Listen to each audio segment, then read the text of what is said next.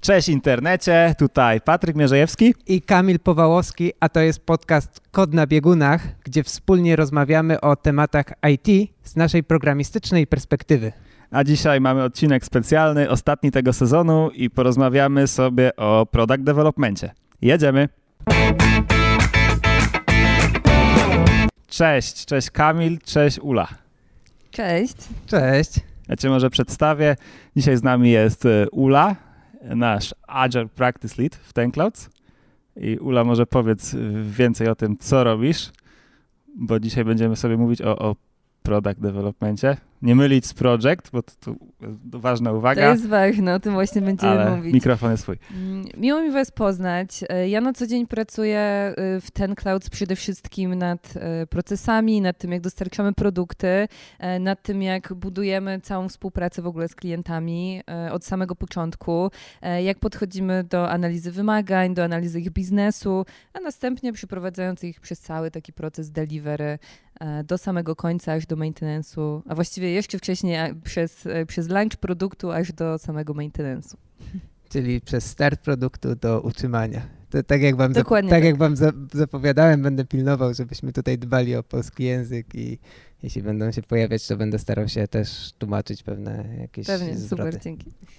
Okej, okay. to mieliśmy się gadać o, o product developmencie i, i w ogóle takich rzeczach produktowych i, i w sumie dlaczego chcemy o tym rozmawiać? Bo widzimy na rynku taką dużą, duży shift, zmianę właśnie w kierunku, w kierunku produktu, że już nie tylko e, chcemy po prostu pomagać naszym klientom dowozić ich projekt i opiekować się tylko od takiej strony wykonawczej, ale też chcemy wejść w to głębiej i jak to się zaczęło u nas w TenCloud, że, że taką zmianę podejmujemy. E, tak naprawdę to mocno wychodzi z naszej praktyki i tego, co już zaczęliśmy robić i to, co się dzieje. E, I to staramy się odzwierciedlić w naszym procesie, który teraz e, wprowadzamy w ten cloud. My wcześniej mówiliśmy o tym, że dostarczamy projekty, że realizujemy mm, takie podejście jakiegoś dostarczania zakresu w czasie, w budżecie pod kątem stricte, mm, stricte bym powiedziała software'u. E, czyli finalnego produktu i technologii, E, a tak naprawdę nie do końca jest to to, na czym się absolutnie skupiamy. To znaczy, my na samym początku zaczynamy pracować z klientem od strony biznesowej, e, od określenia tego, dla kogo w ogóle tworzy ten produkt, jaka jest wartość na rynku, którą chce tym klientom zaproponować. W związku z tym, potem, jakie są najważniejsze funkcjonalności, które powinniśmy stworzyć na samym początku, jak zbudować być może w ogóle najpierw prototyp, proof of concept, podejście do tego, żeby zwalidować w ogóle pomysł biznesowy, a dopiero potem przejść do budowania e, MVP, do budowania pierwszej wersji produktu, weryfikacji tego e, i zastanawiania się, co dalej z tym zrobić, czy być może po drodze zrobić jakiś pivot, a być może e, kontynuować w tym kierunku, który udało nam się właśnie zwalidować.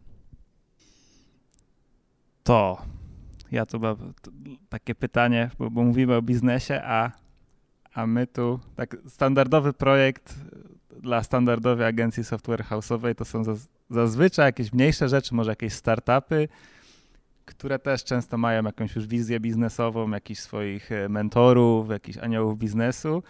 I, i czy myślisz, że, że dla takiego startupu ta, taka właśnie usługa i wejście w biznes, próba jakby analizy tej biznesowej, dostarczenia jakiegoś dodatkowego biznes value, nie tylko, że dostarczamy mu to, co klient chce, tylko szerzej podchodzimy do tematu, to to jest dobry target, czy to tak, takie podejście biznesowe to jest zupełnie inny typ klienta. Mhm.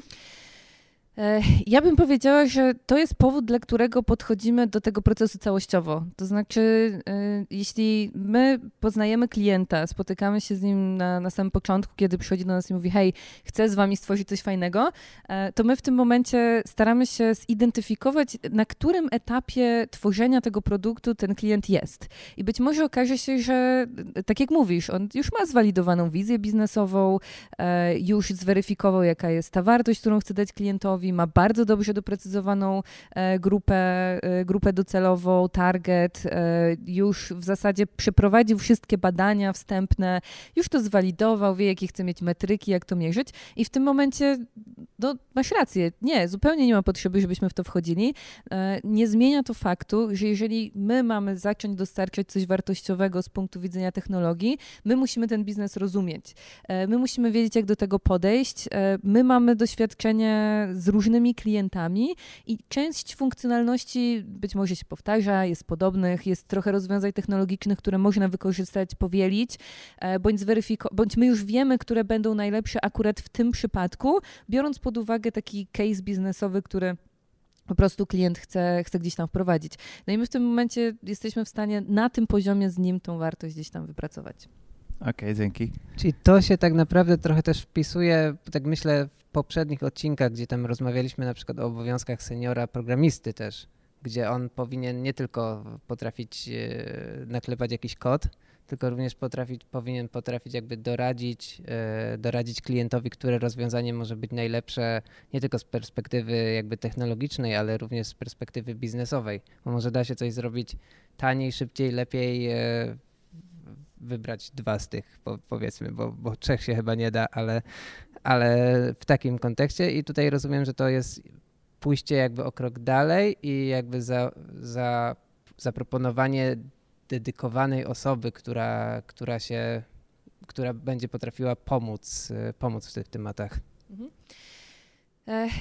Wiesz co, to jest tak naprawdę zbudowanie pewnego e, teamu wokół tego, tak? Bo my trochę tutaj mówimy o tym, że e, okej, okay, wprowadziliśmy rolę product delivery managera, który ma się tym zająć całościowo, ma zadbać o ten proces, e, ale z drugiej strony product delivery manager nie jest jedyną osobą, która z tym klientem współpracuje.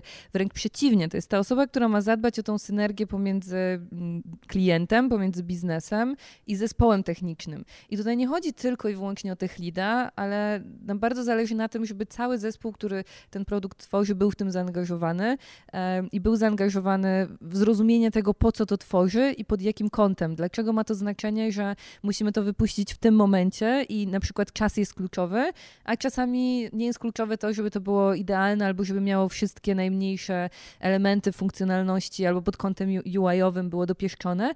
I jeżeli my jako wytwórcy jesteśmy w stanie to zrozumieć i zbudować taką synergię, to wtedy zaczyna mieć to sens, po prostu. To właśnie fajnie, że o tym mówisz, bo, bo gdzieś tam już wcześniej jakby dyskutowaliśmy o tym temacie i ja się, e, ja się zastanawiałem, czy taki project, e, product delivery manager musi być takim one man army, że potrafi tak jak e, mój koronny przykład to jest jak R2D2 w Zemście Sithów. On po prostu e, zabijał szturmowców, gasił statki i, i, wszystko inne robił i tak naprawdę był główną postacią. I tutaj się zastanawiałem właśnie, czy, czy tutaj tak samo, że po prostu szukacie takich osób, które będą potrafiły wszystko wszystko zrobić we wszystkim, ale jeśli dobrze rozumiem to, co próbujesz tutaj powiedzieć, to jest to, że ta osoba nie, nie zawsze musi mieć jakby wiedzę, kompletną wiedzę z każdej dziedziny, ale pod, potrafić umieć to facylitować. Y, nie wiem, jakie jest polskie słowo na to, ale... ale Facylitacja to jest polskie słowo. A, okej. Okay. ale okay. da się to przetłumaczyć, facylitować, czyli ułatwiać. No, dokładnie. Tak, tak, jak najbardziej się zgadzam. Tutaj jest jeszcze kwestia tego, że mm, w wielu innych podejściach staramy się rozdzielić te dwie role. Mówimy o tym, że mamy Scrum Mastera, który jest odpowiedzialny za proces, za zespół, za facylitowanie spotkań, e, za e, facylitowanie tej komunikacji pomiędzy jedną a drugą stroną, rozwiązywanie jakichś konfliktów, e, dbanie o to, żebyśmy wykorzystywali odpowiednie narzędzia i techniki. I to jest jedna rola, a jest druga rola, która jest product managerem, jest stricte odpowiedzialna za produkt. To, co my zauważyliśmy w ten cloud, to jest to, że w dużym stopniu tych dwóch rol nie da się do końca rozdzielić, jeżeli mówimy o takim setupie, w którym my pracujemy. My pracujemy dla klientów zewnętrznych i dla nich tworzymy soft, e, co oznacza, że z jednej strony, owszem, oni mają tą część produktową związaną z taką ekspertyzą, e, ekspertyzą samego rynku, i oni się na tym znają najlepiej, ale my z kolei się znamy na tym, jak taki produkt tworzyć, jak go kształtować, jak go testować, jak go walidować, jak go dostarczać i jak pracować z zespołem technicznym. I dlatego mówimy, no nie, no nie jesteśmy Scrum no nie jesteśmy też product managerami, ale my jesteśmy w stanie zadbać o ten proces dostarczania produktu e, i od tej strony biznesowej, i od tej strony procesowej. I stąd, stąd taka rola. A myślisz, y, znaczy, mamy tutaj ten problem przejścia, jakby to, tą historię przejścia. Dlaczego w ogóle ta zmiana nas, nas tutaj interesuje? Bo wiadomo, że możemy podchodzić do tego z, z, różnych stron, możemy się skupiać tylko na procesie, że będziemy ogarniać proces, będziemy, e, będziemy ogarniać właśnie jakieś tam kwestie budżetowe, kwestie e, właśnie rozwiązywania jakichś tam problemów, risk management, coś takiego i, w ogóle nie wchodzić w produkt, a, a tutaj jednak dajemy ten, ten cały dział, teraz jest dział PDM, tak, tak taki produktowy, daje taki jasny statement, po polsku statement, ma takie przesłanie nowe, nowe przesłanie, że hej, teraz będziemy zajmować się produktem. I, i dlaczego tak? Co, co nam nie pasuje? Czy, czy to jakby wcześniejsze podejście było takie, takie złe i niefajne i że już nie lubimy tego robić, czy... Nie, ono jest okej. Okay. Znaczy, nie chcę tutaj mówić, że jakby tworzenie, czy budowanie, czy dostarczanie projektów to jest coś, od czego powinniśmy kompletnie odejść. Um, ja mam z tym trochę taki problem semantyczny. Znaczy, projekt sam w sobie jest definicją, czy stara się zdefiniować coś, co faktycznie nie istnieje. To jest definicja, która mówi: OK, mamy pewien koncept czy zbiór działań, które mają nas doprowadzić do tego, żeby dostarczyć jakiś cel biznesowy czy zakres w czasie i w budżecie. No fajnie, ale to, to nie jest nic fizycznego, co istnieje. To nie jest jakiś rezultat. Tak? Projekt ma nam dostarczyć rezultat. I jeżeli my mówimy o zarządzaniu projektem, to mówimy o zarządzaniu czymś troszkę fikcyjnym. E, łącznie z tym, czym w zasadzie jest sukces projektu. I to trochę, trochę jakby już dążę do odpowiedzi na twoje pytanie. E, natomiast to jest, to jest istotne, żeby o tym na początku powiedzieć, e, dlatego że finalnie my zadajemy sobie pytanie, co, za co my w zasadzie jesteśmy odpowiedzialni i co to znaczy, że my osiągnęliśmy sukces, jeżeli dostarczyliśmy projekt. I jeżeli chodzi o te metryki, to wbrew pozorom dość ciężko to zidentyfikować i dość ciężko to opisać i dość ciężko zbudować to pod tym kątem, że jest to jednolite dla nas jako dla dostawcy i dla klienta jako dla odbiorcy, który potem to wypuszcza na rynek. E, I, i, I, próbujemy kontrolować te parametry. A jeżeli stricte skupimy się na produkcie, który ma swoje własne metryki, ma swoje własne założenia, wiemy po co go wypuszczamy na rynek, wiemy co ma osiągnąć, to jest nam zdecydowanie łatwiej się skupić na tym, jak ten proces w ogóle budować nie wokół fikcyjnego projektu, który musi mieć jakiś proces, tylko wokół dostarczania produktu i skupiania i jakby stawiania tego produktu, no i poniekąd klienta w centrum, w centrum całego tego podejścia. E, więc to jest jedna rzecz. Druga rzecz jest taka, że my w ten cloud tak naprawdę przyszliśmy dosyć ciekawą transformację, bo zaczęliśmy od tego, że głównie skupiliśmy się na procesie e, i głównie e, mówiliśmy o sobie, że my jesteśmy Scrum Masterami. Ta całkowita taka odpowiedzialność za produkt jest po stronie klienta. E, no i to fajnie działało, natomiast problem był taki, że, że bardzo skupiliśmy się na takim procesie związanym z tym, jak zespół wytwarza produkt, a bardzo mało na takim szerszym ujęciu, że mamy tu jakąś e, kooperację z klientem zewnętrznym, mamy pewne e, takie biznesowe założenia, których musimy się trzymać, mamy jakiś budżet, który musimy bardzo dokładnie kontrolować. I to nie są rzeczy, którymi zajmuje się Scrum Master, ale to są rzeczy, które musimy robić, bo one są istotne. E, więc przyszliśmy trochę tą transformację ze Scrum Mastera na project managera, na agile project managera, bo nadal wykorzystujemy mhm. te zwinne podejścia, a na końcu samym właśnie zabrakło nam tego aspektu produktowego. My mamy tą wiedzę, wiemy jak to robić, klienci tego potrzebują, to chcemy o tym mówić po prostu. Okej, okay, rozumiem. Ale to rzeczywiście, bo te rzeczy jakby zawsze były, znaczy przynajmniej zawsze w mojej, w mojej karierze w ten cloud skojarzę, te, te osoba, którą zwał jak zwał, wtedy był to jakiś Scrum Master czy Project Manager, również zajmował się tymi rzeczami, mimo że jakby był przeznaczony do czegoś, czegoś innego, więc tutaj może takie, takie podejście. Ale mam pytanie, czy to jest tylko, e, tylko, tylko u nas takie podejście, czy to jest może bardziej jakiś taki światowy trend, żeby, żeby przechodzić z tego, skupiać się przejścia robienia projektu dla projektu do przejścia do wytwarzania produktu i bardziej holistycznego skupienia się na całości. Mhm. Tak, zdecydowanie jest to trend y, związany z dwoma rzeczami. Y, jeden aspekt jest y, jest taki, że no cóż, jeżeli będziemy pierwsi na rynku i szybciej zwalidujemy swój produkt, szybciej go w ogóle wypuścimy, czyli e, musimy podejść e, troszkę w agile'owy sposób i jak najszybciej wypuścić produkt z ograniczonymi funkcjonalnościami, ale tymi najbardziej kluczowymi dla rynku, e, no to, to wygramy po prostu. I większość korporacji, nawet korporacji, gdzie wewnętrznie jest dużo trudnych procesów, żeby coś takiego przeprowadzić, stara się w tym kierunku iść i, e, i tak na to patrzeć. A żeby to miało sens, no musimy się skupić na tym produkcie na samym początku. Co więcej, e, jest coraz więcej niepewności i ten rynek zmienia się bardzo dynamicznie, jakieś w ogóle środowisko, w którym pracujemy. Mm, no co prowadzi do tego, że my nie jesteśmy w stanie przewidzieć długoterminowo, ile to dokładnie będzie kosztowało, jakie w szczegółach funkcjonalności dostarczymy, e, czy wszyscy będą z tego zadowoleni, czy za chwilę konkurencja nie wypuści czegoś podobnego, a my będziemy musieli po prostu zmienić kierunek działania. I żeby tak do tego podejść, musimy mieć krótkie iteracje, walidować to jak najszybciej i skupiać się po prostu na, na metrykach produktowych.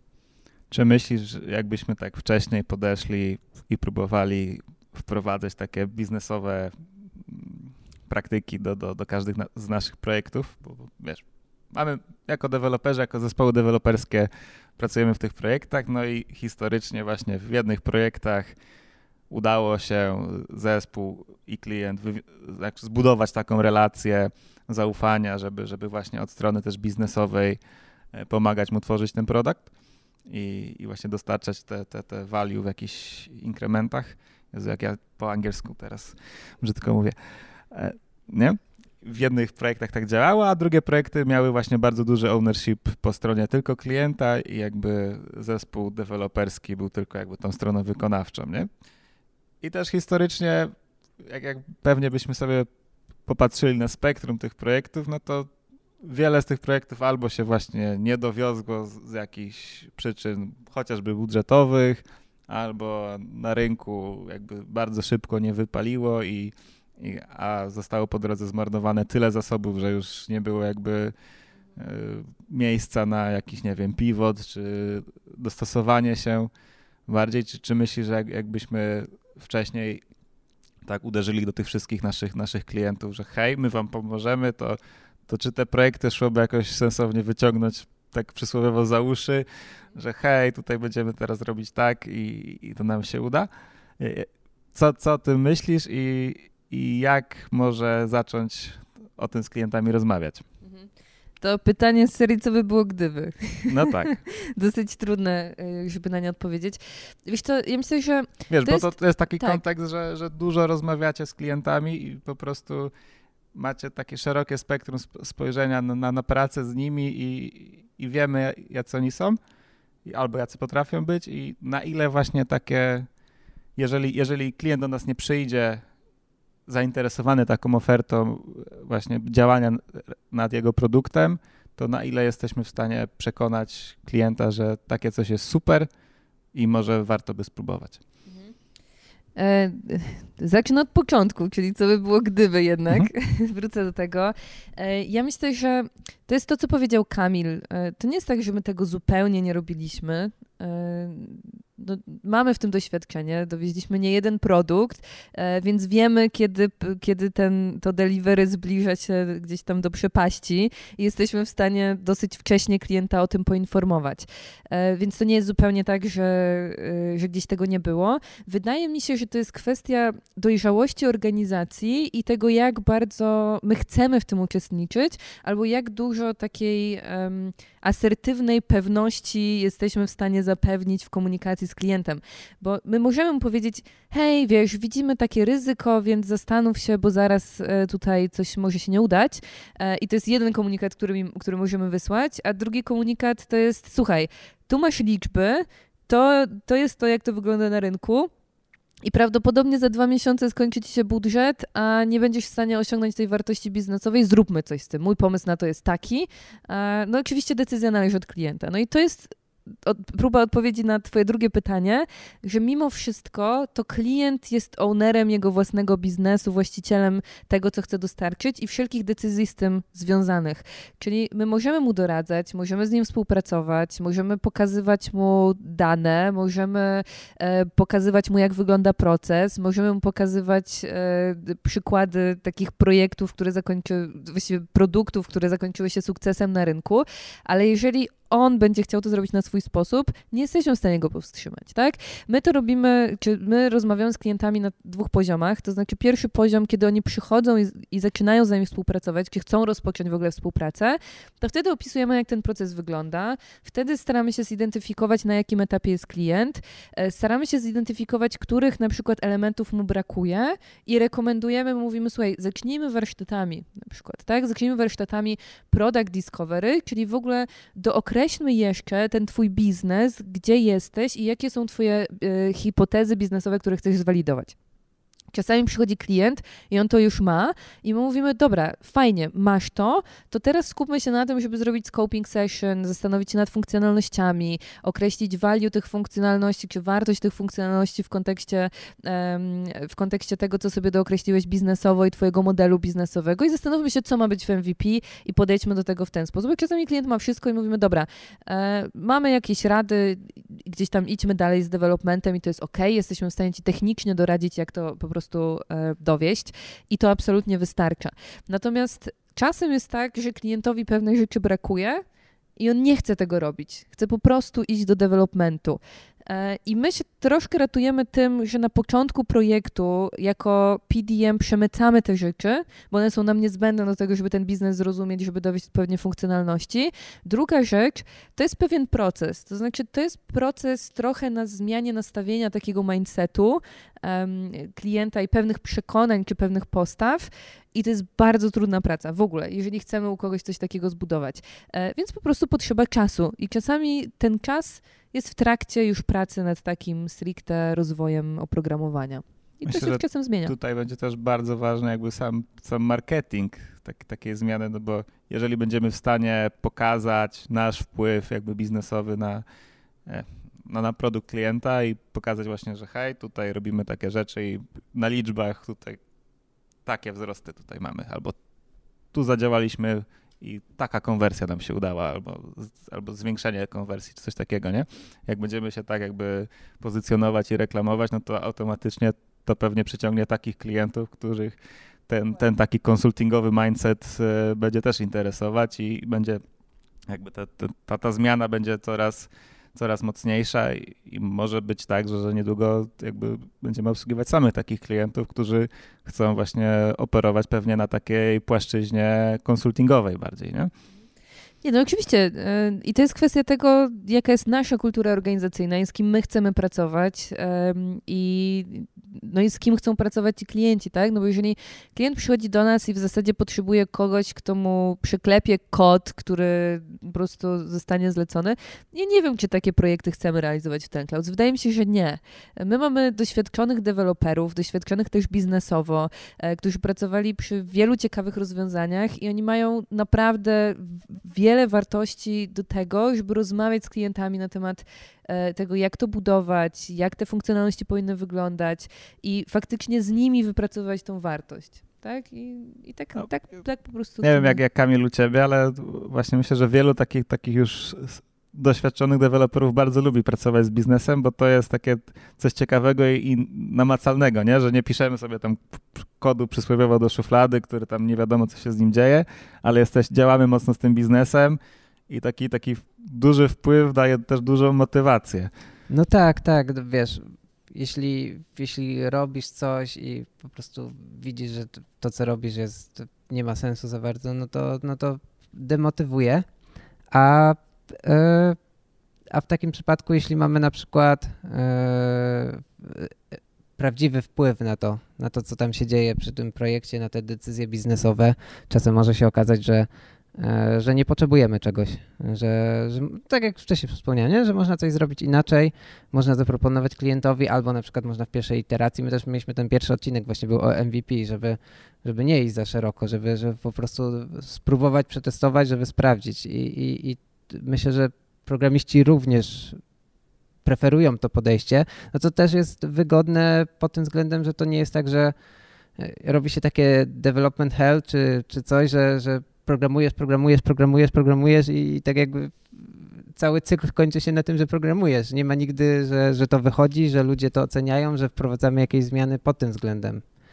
No, sam dobrze wiesz, jak fajnie jakby feedback od, od, od klientów od użytko- albo od, od użytkowników, użytkowników właśnie wpływa na, na właśnie też motywację i, i co można zrobić z tym produktem dalej. Tak, nie? na kierunek w ogóle. Tak, bo często kierunek. nam się wydaje, albo w ogóle klientowi się wydaje, że, że robi produkt według swojej wizji, pewnie Kamil wiesz to najlepiej, nie? A później się okazuje, że, że później e, userzy, użytkownicy oczekują trochę może czegoś innego, pojawia się może jakaś nisza power userów, którzy w ogóle robią kosmos z tym twoim produktem i oni potrzebują zupełnie innego jakby zestawu funkcji. Tak, i wtedy, wtedy działasz, modyfikujesz ten projekt, aczkolwiek to dzisiaj widziałem śmieszny obrazek, był taki, że był taki mały psiak i to było, że projekt w w 8 tygodniach, później już był taki jakby starszy pies i to był tam projekt po 16 tygodniach, później już był, że taki dojrzały pies i to było po, projekt po 20 tygodniach, a później było takie monstrum i było, że projekt po sugestiach od użytkowników. I, więc, e, więc no, oczywiście też trzeba na to uważać, bo, bo, bo, bo może kierunek może się zrobić dziwny, ale to u mnie to tak rzeczywiście wygląda, że najpierw, najpierw robię coś małego, a później to idzie w kierunku tego, co chcą użytkownicy, czego oczekują. To tam też jest pułapka, bo pułapka jest taka, że jeżeli my faktycznie tworzymy produkt i chcemy sprawdzić, czy chcemy sprawdzić feedback użytkowników, no to musimy się liczyć z tym, że ten feedback czasami będzie negatywny. Tak, po maksie. No i, I... że zazwyczaj ci negatywni mają najwięcej do powiedzenia, nie? A jest ta milcząca taka większość, przy, która jest przychylna i po prostu Dokładnie, po cichu. No, tylko pytanie, jak jesteśmy w stanie to potem e, przekuć na sukces, tak? I jak się nie zdemotywować i nie zdemotywować też zespołu. Bo wy mówicie, tak jak e, Patryk, ja widzę, że ci oczy świecą, jak mówisz, ale super, feedback od użytkowników, wiemy, w którą stronę iść i to w ogóle jest mega, ale jest ta druga strona medalu. E, wydaje mi się, szczególnie u mniej doświadczonych osób, że to ich na maksa demotywuje. Na zasadzie narobiłem się, zrobiłem mega duży kawał po prostu roboty, kodu i on idzie po prostu do śmieci, bo tej funkcjonalności ludzie po prostu nie kupują. E, I trzeba się z tym pogodzić i zrobić, e, zrobić jakąś zmianę w ten sposób, żeby ostatecznie ten feedback był pozytywny. A też Ale pytanie, pracy idzie właśnie, do kosza, no, to, to jest ważne, że, że nie kupują i pytanie, nie kupują ze względu na to, że to w ogóle nie jest ich problem, że, że ten problem ich nie dotyczy, czy po prostu nasza, nasz sposób na rozwiązanie tego problemu biznesowego jest, jest nietrafiony, nie? To też daje dużo informacji. Też wiesz, super, jeśli nie kupują, ale ty spędziłeś miesiąc na stworzenie tego, a, a nie jeśli nie kupują, a ty spędziłeś trzy lata na, na stworzenie Dokładnie. tego. Dokładnie. I, I to jest to, że czym krótsze iteracje, tym jest też łatwiej stwierdzić, ok, no włożyło się w to trochę pracy, ale y, szybko dostaliśmy feedback, teraz będziemy iść przez następne, e, następne kroki w dobrym kierunku, a nie przez trzy lata budować coś, co po prostu nie ma sensu. Natomiast to jest to, że tego się nie da wybudować bez synergii z biznesem i bez synergii z klientem i bez tej otwartości, takiej transparentności, którą w zespole chcemy budować, e, bo tą walidację bardzo często po prostu robi klient. Tak? A to, co my dostajemy, to są pewne dane z tych walidacji. E, my sugerujemy pewne zmiany albo sposoby e, pracy z użytkownikami. E, czasami prowadzimy wywiady z tymi użytkownikami, czy prowadzimy jakiś design sprint i w ramach tego design sprintu my przeprowadzamy takie takie rozmowy. E, no ale to musi być ta współpraca i synergia i obie strony muszą rozumieć ten proces agile'owy, sposób podejścia do tworzenia produktu, e, do tego, że po to pracujemy w krótkich iteracjach, nie po to, żebyś jak najszybciej po prostu dostał kawałek i zwalidował, czy na pewno my jako zespół to dowozimy tak, jak obiecaliśmy. Okej, okay, fajnie, ale to ma przede wszystkim klientowi dawać tą wartość, weź to, wykorzystaj, zacznij to sprawdzać, albo być może zacznij już na tym zarabiać, a potem będziemy sobie to razem, e, razem tworzyć dalej. I to jest ta taka prawdziwa wartość Agile'a i takiego całościowego podejścia produktowego, a nie projektowego. Kamil. No tak, bo mam coś, tylko że to trochę zmieni nam temat. Więc jeśli ja, masz, ja, ja jeszcze jak do... masz jeszcze w temacie, to, to, to pójdź, bo ja bym później chciał rzucił... z perspektywy tak. naszych słuchaczy coś zapytać. Ja mam jeszcze taką myśl właśnie odnośnie motywacji na, na, nad pracy nad, nad produktami, że jest taka ta, ta, ta rzecz, która mogłaby strasznie według mnie podbić jakość software'u, to są kredyty w software'ze, tak jak jest w, w game devie, czy w filmach, czy w, w czymkolwiek. Ludzie się podpisują pod, pod tym kodem swoim, pod tym, co stworzyli. Jakbyśmy takie coś wprowadzili te, też może w software developmentie, to ja bym na pewno się bardziej, dwa razy bardziej starał Dwa razy byś się zastanowił przed wypuszczeniem, nie? Tak, to, to już by było taki ownership, że, że klękajcie narody. Tak, trzeba by taki movement zrobić, znaczy taki ruch, ruch zorganizować, żeby, żeby też były tak jak w filmach są. Tam... Jestem ciekaw, czy to właśnie związki jakoś wymusiły w filmach, pra... czy jak to wyglądało, ale... Tak, pra praktycznie osoba, która gdzieś tam pcha wózek, to, to też jest wymieniona w tych e, napisach końcowych i tak może w software'ze też by warto było, żeby taka lista, lista zasług była gdzieś tam przygotowana. Słuchajcie, to jest w ogóle ciekawa koncepcja, bo to, co chcemy teraz zrobić, yy, biorąc pod uwagę, ile mamy wiedzy, narzędzi i, w, i, i jak zbudowaliśmy cały ten proces dostarczania produktu, yy, zrobię taki mały spoiler. Yy, tworzymy i budujemy w zespole PDM-ów całą własną Tensi Agile Method, jak do tego podejść, ale właśnie nie do produktu, nie do wytwarzania software'u, tylko w ogóle do całego tworzenia i budowania produktu.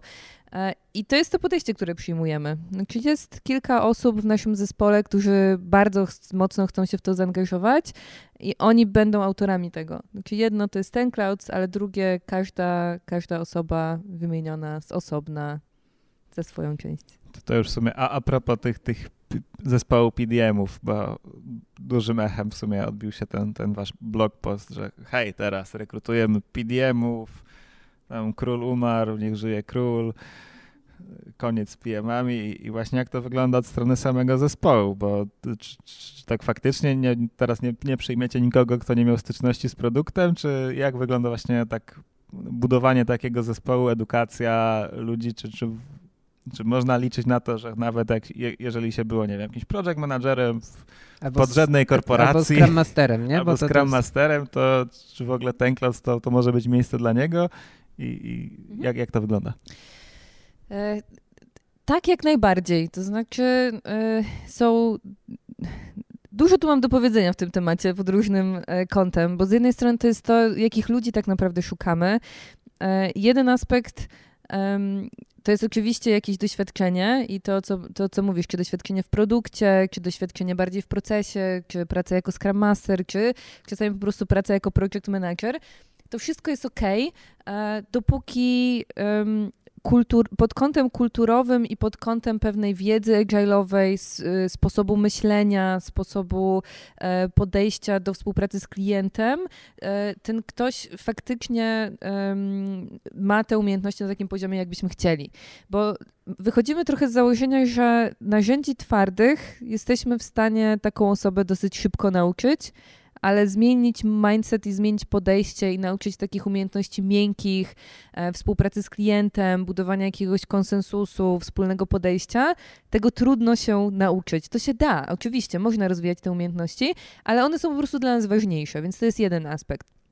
Druga rzecz jest taka, że my też w naszym zespole mamy juniorów, mamy juniorów, mamy midów, mamy seniorów e, i w ten sposób też rozróżniamy to, pod jakim kątem dana, czy jak, jaką porcję wiedzy czy doświadczenia ta osoba już ma. E, jeżeli mówimy sobie na przykład o takim midzie, no to możemy założyć, że albo ma mocniej trochę rozwinięte skille produktowe, a mniej procesowe i to jest ta rzecz, którą powinna rozwijać i, i w czym my jej pomożemy, a z drugiej strony może być odwrotnie, może być bardzo mocna procesowo, trochę mniej produktowa, więc wybierze tą ścieżkę taką rozwoju w ten cloud bardziej produktową, żeby pod tym kątem mocniej się rozwijać. E, tak samo jak na początku rozmawialiśmy, że klienci są różni i przychodzą na różnym etapie tego rozwoju produktu do nas e, i czasami nie oczekują od nas tego, że będziemy ekspertami w tej fazie takiej product market fit e, i tego sprawdzenia i, i tej walidacji i wymyślania sposobów, hipotez biznesowych sposobów mierzenia tego. Jeżeli oni tego nie oczekują, a mamy kogoś bardzo mocnego proces, procesowo, a klient ma kogoś bardzo mocnego produktowo, no to taką, taką osobę damy do tego e, projektu i te odpowiedzialności tego PDM-a będą się skupiać bardziej na procesie i to też jest ok, tak? Więc e, no, więc tak, po prostu pod różnym kątem te osoby, te osoby rozwijamy, do różnych projektów trafiają na różny poziom współpracy. E, mamy też e, i ostatnia rzecz jeszcze, widzę już Kamil czeka, żeby zadać kolejne pytanie. E, ostatnia rzecz, tak jak mówiłam, sporo tutaj jest, jest elementów.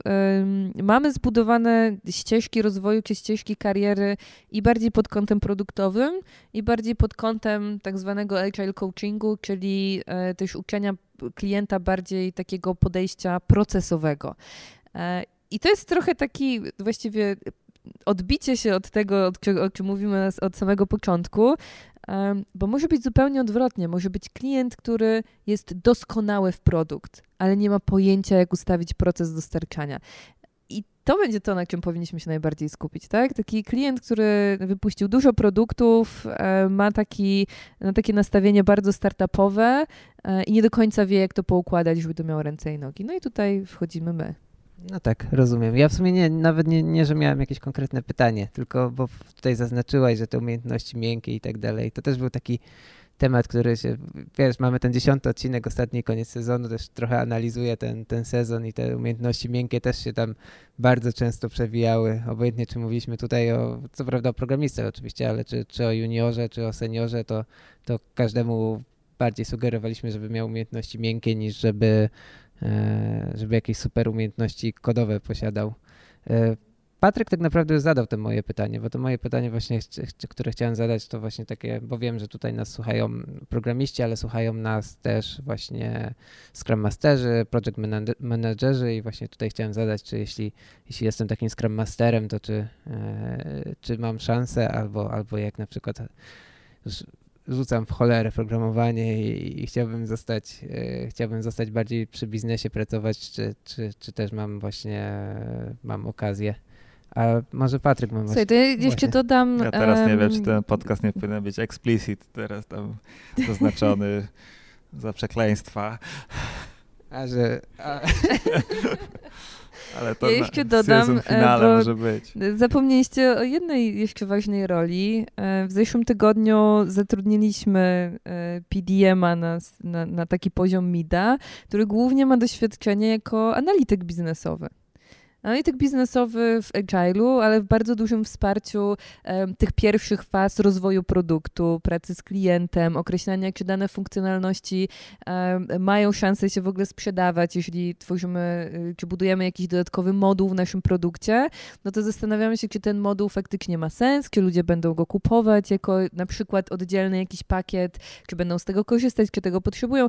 To jest osoba, która bardzo mocno pracowała pod tym kątem, nie ma do końca takiego doświadczenia w zarządzaniu zarządzaniu zespołem stricte agile'owym i układaniem tego procesu, ale była w tym procesie, ma świadomość, e, wie jak to działa, e, ma, taką, e, ma, takie podejście leadershipowe i, i też trochę analityczne do problemów, jak to rozwiązać, jak do tego podejść, ok, nie wiem, ale wymyślę.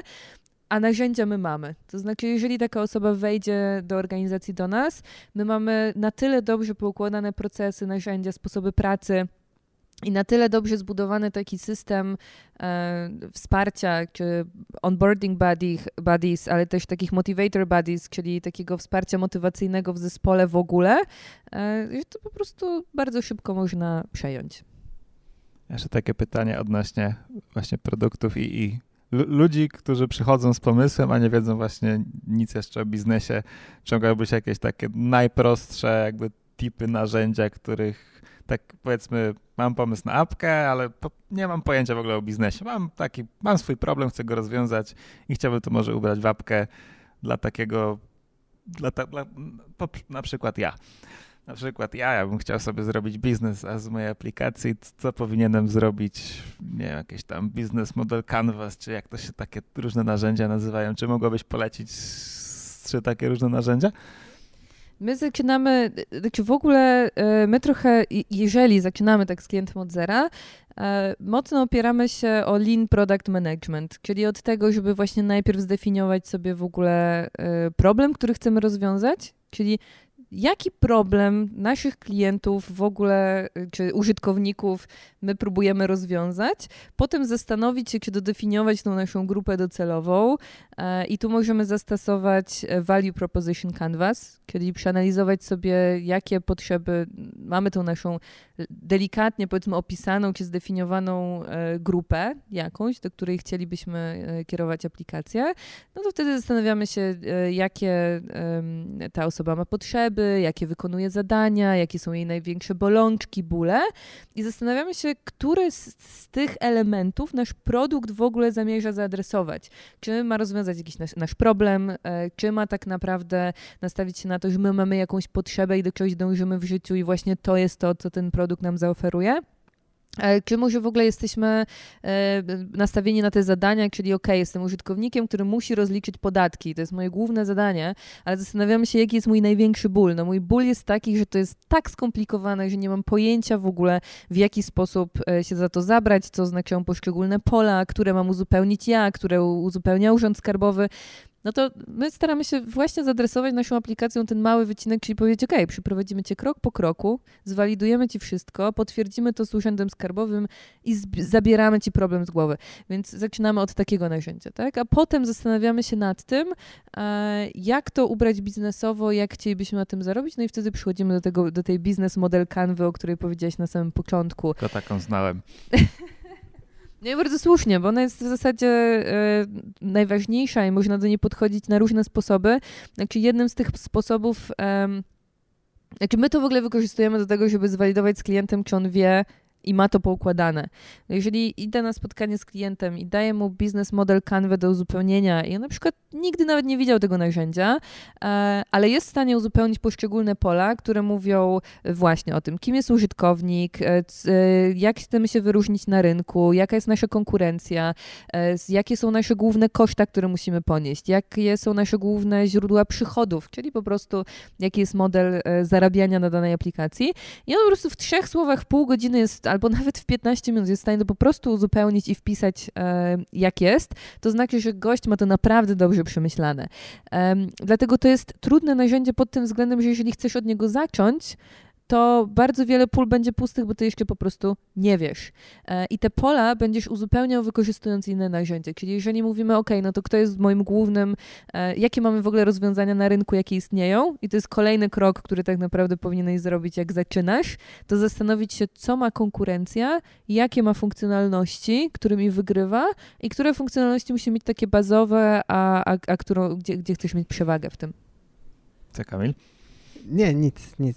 Będziesz teraz praktykować takie rzeczy. Tak, tak. Znaczy ja rzeczywiście ko, kojarzę, kojarzę te tematy też, ale e, fajnie, fajne jest to, co powiedziałaś, że w sumie nie zaczynamy od tego narzędzia. Zaczynamy od przemyślenia, przemyślenia sprawy, a to no, ciężko nazywać kawałek papieru czy, czy jakąś, jakąś kartkę, gdzie rozpisujesz narzędziem, ale ta, ta metoda jakby po, pozwala nam później odpowiednio to ułożyć, ewentualnie gdzieś tam dopasować, ale ona nie jest, nie jest początkiem, początkiem drogi, ona jest ona jest gdzieś jakimś nie celem, ale gdzieś tam takim butem, który ubierasz, jak, jak gdzieś idziesz, tak metaforycznie bardzo. Słuchajcie, to jest w ogóle bardzo ciekawe, bo jak my myślimy sobie o konkurencji, to bardzo często próbujemy się porównywać do, do innych bardzo podobnych produktów, czyli już nie mówimy sobie, dobra, e, chcemy zrobić aplikację do rozliczania podatków, to patrzymy na inne istniejące aplikacje, które rozliczają podatki i uważamy, że to jest nasza największa konkurencja. A prawda jest taka, że może niekoniecznie, może twoją największą konkurencją jest księgowy, który w ogóle tak naprawdę nie jest produktem, nie jest aplikacją, ale człowiek wybierając usługę nie wybierze aplikacji, tylko mhm. na przykład w 90 czy tam, nie wiem, 60% um, osób, które mają, um, mają działalność gospodarczą, korzystają z usług księgowych, a nie robią tego samemu przez aplikację. I to jest tak naprawdę nasza konkurencja rynkowa, tak? Czy my innym zupełnie produktem jesteśmy w stanie y, ich zastąpić? Możemy sprzedawać roboksięgowych na przykład. No, zaczynamy tutaj, widzę, budować produkt już. No dobrze, słuchajcie, a y, ja myślę, że tak w ramach domknięcia trochę tematu, ja was chciałam zapytać o waszą perspektywę, perspektywę dewelopera będącego w takim zespole, y, który ma się bardziej skupiać na produkcie, y, który jednak będzie się angażował w to tworzenie tej wartości, w rozmowy biznesowe, w jakieś tam większe analizy. Y, jak wy to widzicie, jak to odbieracie? Mogę zacząć? Dobra.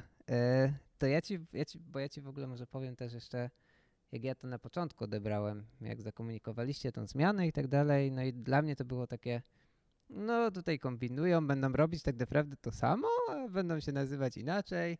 No czasem tak jest, żeby uniknąć podatków trzeba zmienić nazwę firmy albo, albo coś takiego, więc y, takie gdzieś tam trochę żartobliwie, ale takie było, takie było moje podejście, więc tutaj e, dużo tych, tych rzeczy jakby też e, rozwiałaś tych, tych, tych wątpliwości, że to nie jest tak, że znaczy to jest, to jest trochę tak, ale po prostu te, te, te, ta usługa też będzie rozbudowana, to, to nie, będzie, nie będzie to samo, to będzie, to będzie tego więcej. Ja się jed... E, bardzo cieszę, bo y, rzeczywiście tam pamiętam jakieś takie przypadki, że na przykład produkowaliśmy ten, y, produkowaliśmy ten kod, klient jakby podejmował y, sam decyzję, E, bez konsultacji i często na przykład widzieliśmy, że coś, coś jest nie tak i tak, ale programiście czasem jest ciężko, nie mamy jakichś takich e, miękkich umiejętności, że tak powiem. E, I czasem jest ciężko jakby przekazać, przekazać to. I jeśli taka osoba będzie właśnie, będzie taki PDM, który będzie bardziej skon, skoncentrowany na tym produkcie, to on będzie też potrafił jakby czasem przekazać to inaczej, albo zebrać tą wiedzę i, i na przykład y, poprzeć ją, bo my możemy powiedzieć, że z doświadczenia ewentualnie, a czasem doświadczenie to nie to nie jest wszystko i dużo, dużo bardziej ważne jest tutaj e, jakby liczby. Więc, e, więc fajnie, że właśnie taka, taka pomoc będzie. My się Taka, zawsze... Taki zakres właśnie pomocy od strony analizy biznesowej tak. to będzie na pewno, tak. na pewno super i przydatny w takich negocjacjach tak. i pokazywaniu, hej, jaką wartość jesteśmy w stanie wam dostarczyć i na co to się przekłada. Ja mam nadzieję właśnie, że wszyscy programiści, którzy pracują, to, to starają, się, starają się pomagać w tym, że ma, mają, mają takie podejście trochę biznesowe. E, no i żyję, żyję w takiej w takim przekonaniu, że tak jest. Tak, to, to według mnie to jest różnie, bo są też ludzie, którzy tylko nie są bardzo technicznie skupieni tylko właśnie na tych problemach technicznych. Nie i... zabijaj moich tutaj przekonań. I nic innego ich nie interesuje, nie? Ale no z drugiej strony synergię zespołu, nie? Tak, ale jest tutaj, się, więcej. tutaj się na pewno, na pewno zgodzę, że dla mnie to, to jest super fajne, bo zawsze fajnie mi się pracowało w, w projektach, które były skupione właśnie na, na wspólnym rozwoju produktu, że ten zespół deweloperski miał, miał duży ten ownership i brał dużą odpowiedzialność e, za rozwój. Wtedy to jakby ta praca nabierała jakby większego znaczenia e, dla mnie. I cieszę się, że to ma być taki szerzej szerzej jakby promowany trend u nas i, i, do tego będziemy dążyć, żeby, żeby ten mindset taki konsultingowy i takie podejście po prostu było praktycznie w każdym projekcie, bo to, to może być fajna przyszłość i, i też otwiera nam drogę do bardzo fajnych też właśnie produktów, nie? Bo to jest trochę, wydaje mi się, że taki konsulting przyciąga inny rodzaj produktów, może bardziej dojrzałych i summa summarum może wyjść tak, że taki software house jak, ten Cloud, skupiony na właśnie takim konsultingu, może dawać plusy zarówno pracy w software house dla takiego de dewelopera, że jakby możliwość pracy nad, znaczy z nowoczesnymi technologiami, jakby i też możliwość zmiany, jakiejś rotacji, żeby, żeby człowiek też się właśnie nie nudził zbytnio, że zaległ 5 lat w jakiejś antycznej technologii, tylko to ta możliwość zmiany i, i rozwoju bardzo szybkiego jest, a z drugiej strony zdobywamy też y, wiedzę z różnych domen. E, często to jest, to jest bardzo ciekawe w projektach, gdzie jest jakaś turboniszowa branża i chłoniesz tą wiedzę domenową i, i wow, jak to w ogóle działa w życiu, to, to jest bardzo ekscytujące. Także tu jest super pole do zdobywania takiej produktowej, e, produktowej też wiedzy biznesowej, którą normalnie byś musiał jako programista iść tam do jakiegoś dużego produktu, e, właśnie firmę, która się tylko i wyłącznie na tym skupia i może nawet trafić do jakiegoś, nie wiem, działu obsługi koszyka w sklepie, nie? I, i tylko tym się zajmować, a tutaj mamy jednak tą dużą różnorodność przy zachowaniu tego, tego fajnego ownershipu i wpływaniu na, na rzeczywistość. No wiesz, Kamil, to to wbrew pozorom, e, a widzisz, a ja właśnie chciałam do Kamila, do tego, co powiedział Kamil e, wrócić, a. czyli od samego początku zacząć, um, że te słowa mają znaczenie i ta semantyka i to, że my nie będziemy już mówić o projektach, tak? To, i, no i to nawiązuje do tego też, co, co powiedziałeś, że no jak chcemy przyciągać dany rodzaj klientów, takich, którzy są na to nastawieni, to musimy o tym w ten sposób mówić i jak mówimy, hej, mamy project managerów, to jest zupełnie coś innego, jak mówimy, mamy product delivery managerów, a tu jest nasz proces dostarczania produktu i my w ogóle jesteśmy w stanie ci powiedzieć, gdzie, gdzie są jakieś dziury. Nie? I, I z jednej strony tak, część rzeczy zawsze będzie taka sama i nie wypieramy się w ogóle procesu, bo on jest mega ważny, ale my go traktujemy już jako taką podstawę, taki baseline, takie coś, co każdy z nas musi mieć, bo bez tego nie jesteśmy w stanie pójść wyżej, nie jesteśmy w stanie dać więcej. No tak, rozumiem. Dzięki, dzięki, dzięki za odpowiedź.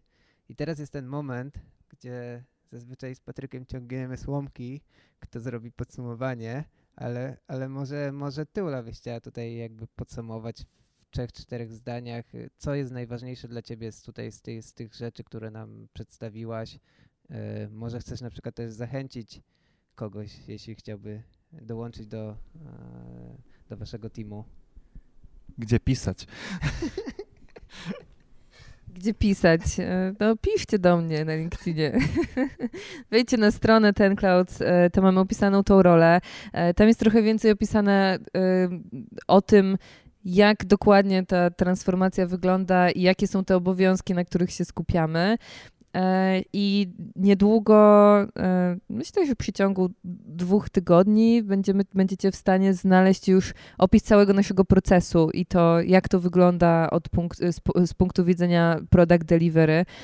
E, od samego początku, czyli od pomysłu aż do, aż do utrzymania. Więc to jest jedna rzecz. E, druga rzecz, dla mnie chyba najważniejszy właśnie jest ten fokus i to zaangażowanie e, całego zespołu. Nie tylko PDM-a, który tutaj ma oczywiście tą rolę dedykowaną, ale i zespołu technicznego, i designerów, i deweloperów, e, żeby taką relację z biznesem po prostu, po prostu budować. A to ciekawie odbyliśmy. w sumie. Ale bardzo fajne, bardzo fajne podsumowanie, że właśnie to, to, to nie jest że jedna osoba, tylko, tylko no ten team ten team ma. Team jest najważniejszy? Tak, team jest najważniejszy. Czyli finalnie team. Finalnie. Czyli nie produkt. Dobra, nie wchodźmy, w tą, nie wchodźmy w tę dyskusję. Ja Ci bardzo dziękuję za, za udział w naszym, w naszym odcinku. To była przyjemność, bardzo Wam dziękuję. Było nam super miło, super miło Ciebie gościć. I ja tutaj się teraz może też zwrócę do, e, zwrócę do kamery, bo też chciałbym podziękować e, wszystkim osobom, które pomagały w powstawaniu tego, tego pierwszego sezonu, bo to nie jest tylko tak, że my tutaj siedzimy i, i nikogo więcej nie ma. E, jest dużo innych osób. E, Ada, Gosia, Mateusz, e, Kasia, Krzysztof, więc między innymi, ale też, jest, też, jest, też, też są inne osoby, więc chciałbym Wam wszystkim też podziękować za, za pomoc tutaj w zrealizowaniu tego sezonu. Tak, i dziękujemy Wam, drodzy słuchacze, tak nie wolno mówić, ale bardzo Wam dziękujemy za oglądanie i słuchanie. A to teraz standardowo, gdzie nas można znaleźć? Może Ula, gdzie, gdzie cię można znaleźć, gdzie cię można złapać w internecie? Masz jakieś miejsce docelowe? No chyba głównie LinkedIn. LinkedIn. To musisz powiedzieć, jak cię tam znaleźć, co trzeba wpisać. Jak wpiszecie moje imię, nazwisko Urszula Wawrzeniuk, to się znajdziemy. Tak, w Tenklec jeszcze. Bo może być więcej, ale ten, tak. Mnie znajdziecie na Twitterze jako Kamil Powalowski. Mnie też najlepiej pingać na Twitterze pod małpka mierzejowy. I to tyle. Lajkujcie, szerujcie, dawajcie gwiazdki na iTunesach i prawdopodobnie widzimy się w przyszłości, w drugim sezonie, gdzie będziemy rozmawiać jeszcze więcej o biznesie, o, o różnych modelach biznesowych i może też właśnie o, o rozwoju właśnie produktów software'owych od strony biznesu. Dzięki wielkie i Do do zobaczenia, do usłyszenia. Hej! Cześć.